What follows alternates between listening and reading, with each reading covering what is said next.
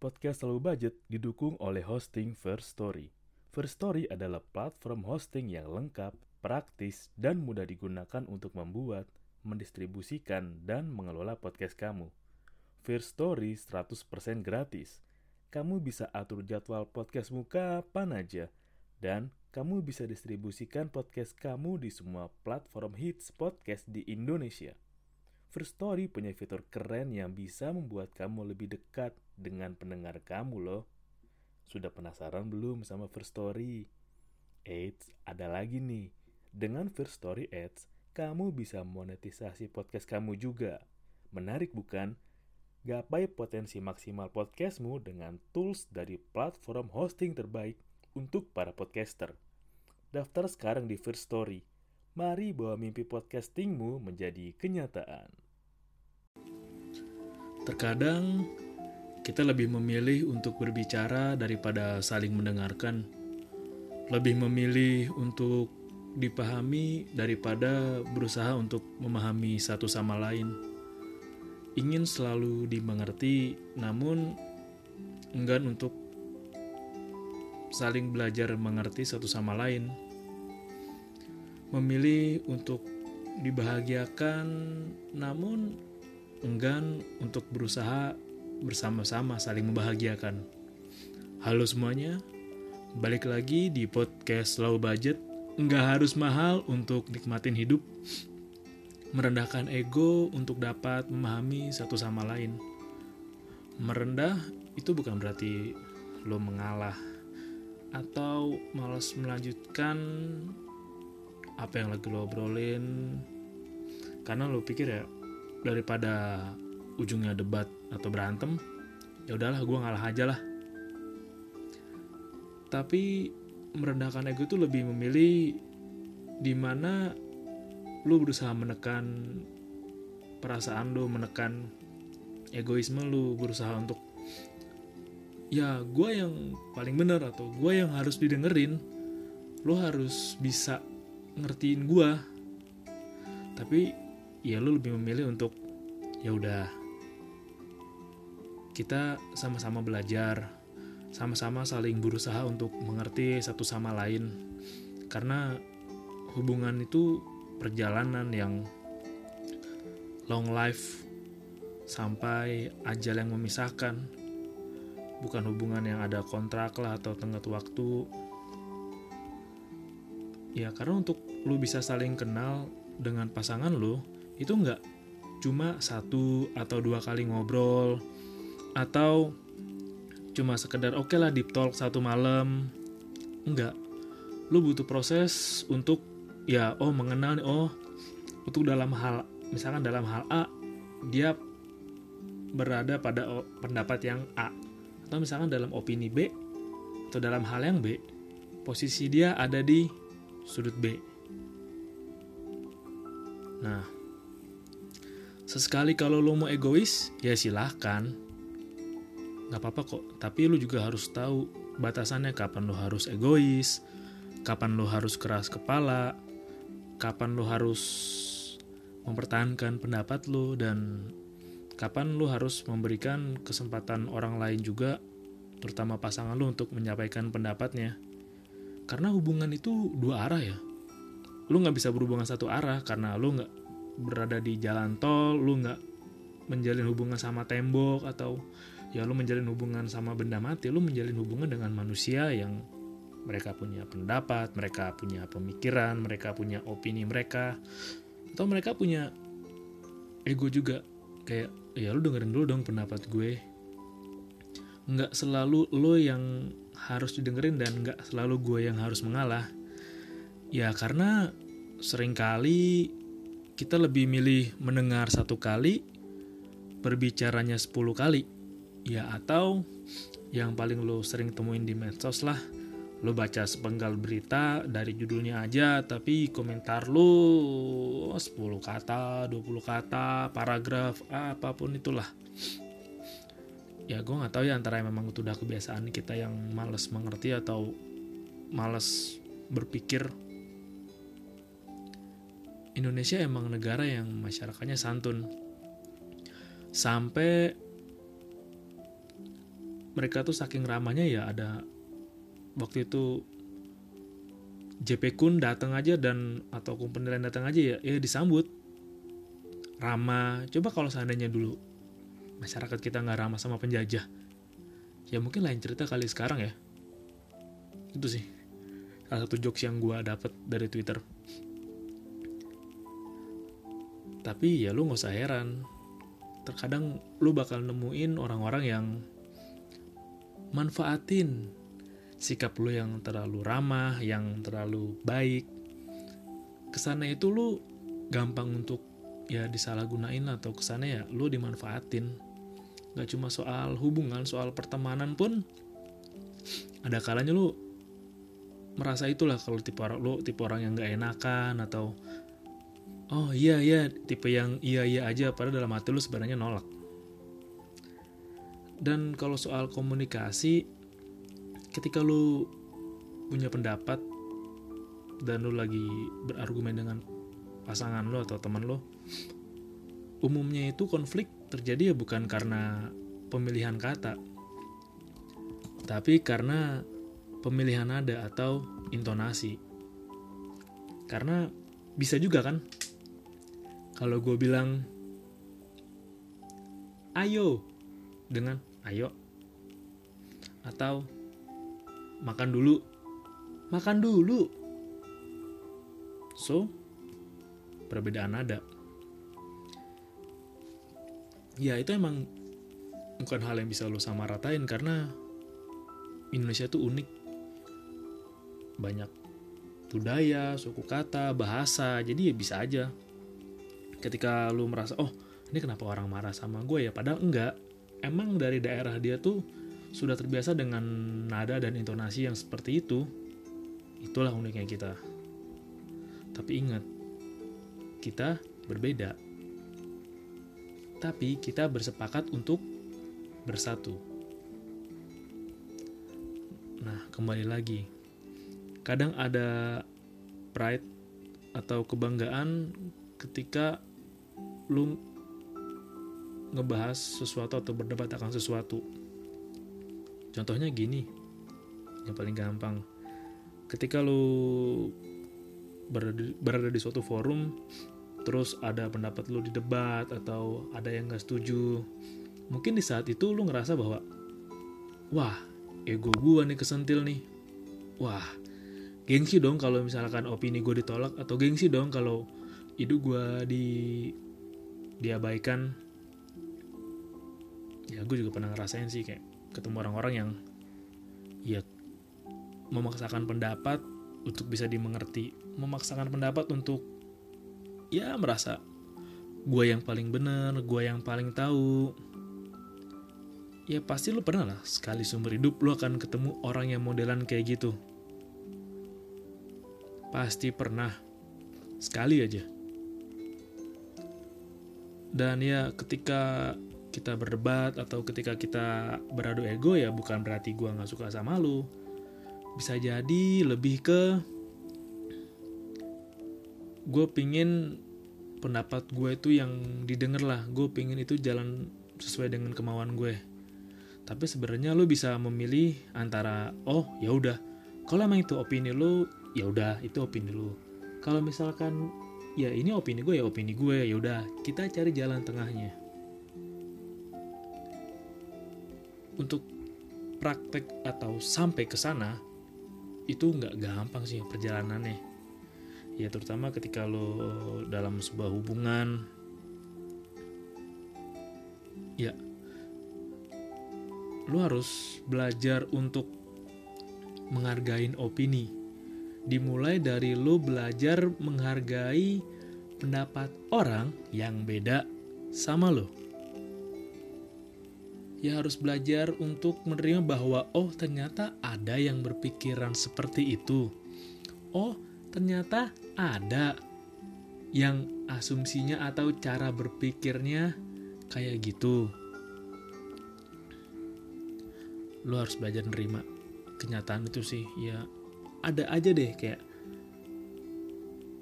lu juga pasti bakal ketemu orang yang ketika semua berjalan benar, gue nyebutnya adalah lo akan ketemu orang yang berusaha mencari masalah di balik setiap solusi. Dan ya emang ada orang seperti itu. Dan ketika lo bertemu dengan orang seperti itu ya lo jangan tinggiin ego, lo jangan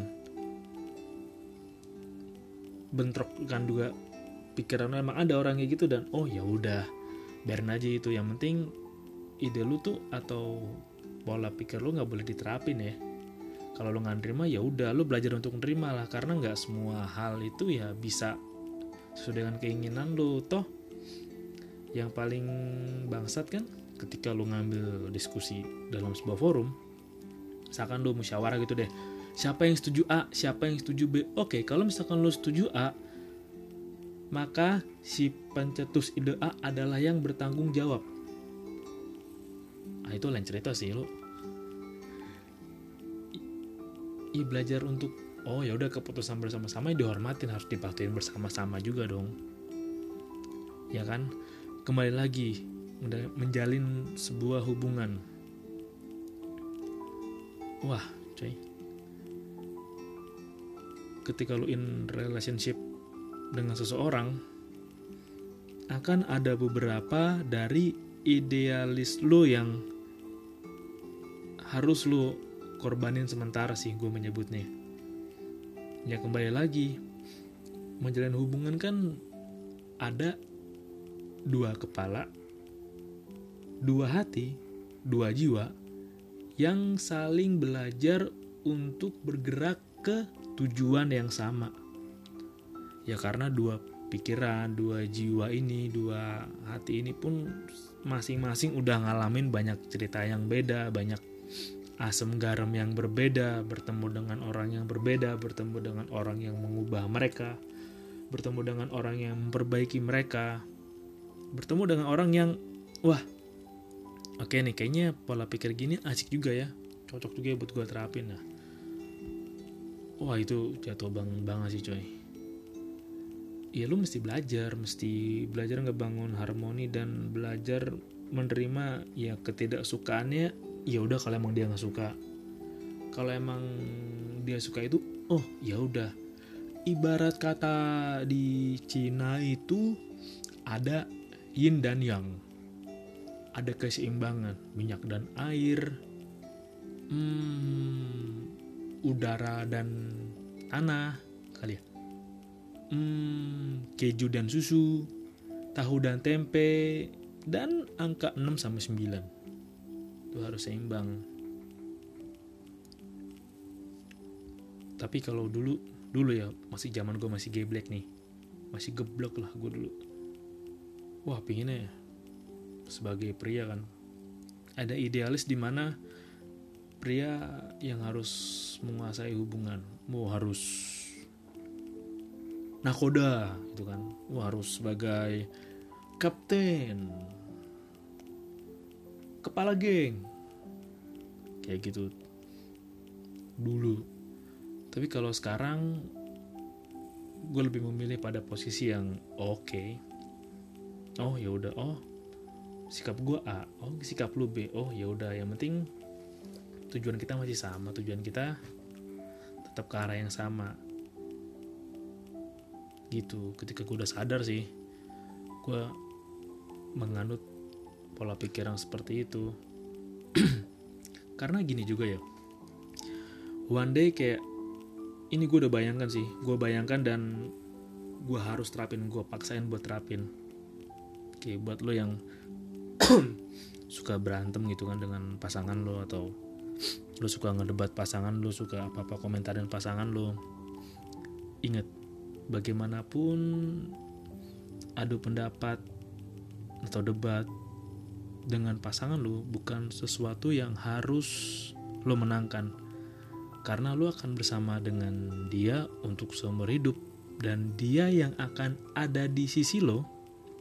Setiap saat setiap waktu baik apa pun yang lo rasain mau seneng mau sedih suka duka pasangan lo lah yang ada di sisi lo. Pertama baik setelah keluarga ataupun sebelum keluarga. karena yang tahu bagaimana lo luar dalam atas bawah kanan kiri ya pasangan lo. Selain orang tua lo tentunya. Karena kalau masih saling egois yang pasti yang buat berjalan bareng ya susah. Apalagi saling menjaga ego, menjaga pride, menjaga wow jaim lah. Kalau buat pengal buat gue sih kalau pengalaman gue kayak ya ketika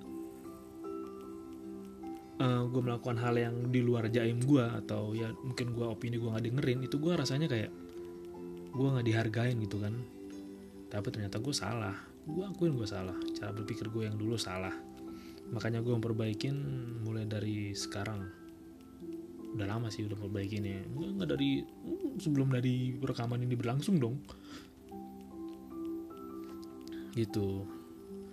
Dan coba juga untuk memahami pasangan lo. Karena gini ketika lo mau menyampaikan masukan untuk pasangan lo lah lo mau menyampaikan kritik uh, masukan atau ada yang lo mau diskusiin coba cari selah-selahnya dengan lu mengenalin kapan sih waktu yang paling tepat dan pas untuk ngobrol sama dia. Lu cari selah-selahnya. Karena setiap orang selah-selahnya beda. Ada yang bisa diajak ngobrol pas mau tidur. Ada yang bisa diajak ngobrol atau diskusi pas lagi mau makan ada juga yang bisa lu ajak ngobrol atau diskusi ya pas lagi chill main game sambil rebahan gitu atau nonton TV nonton internet.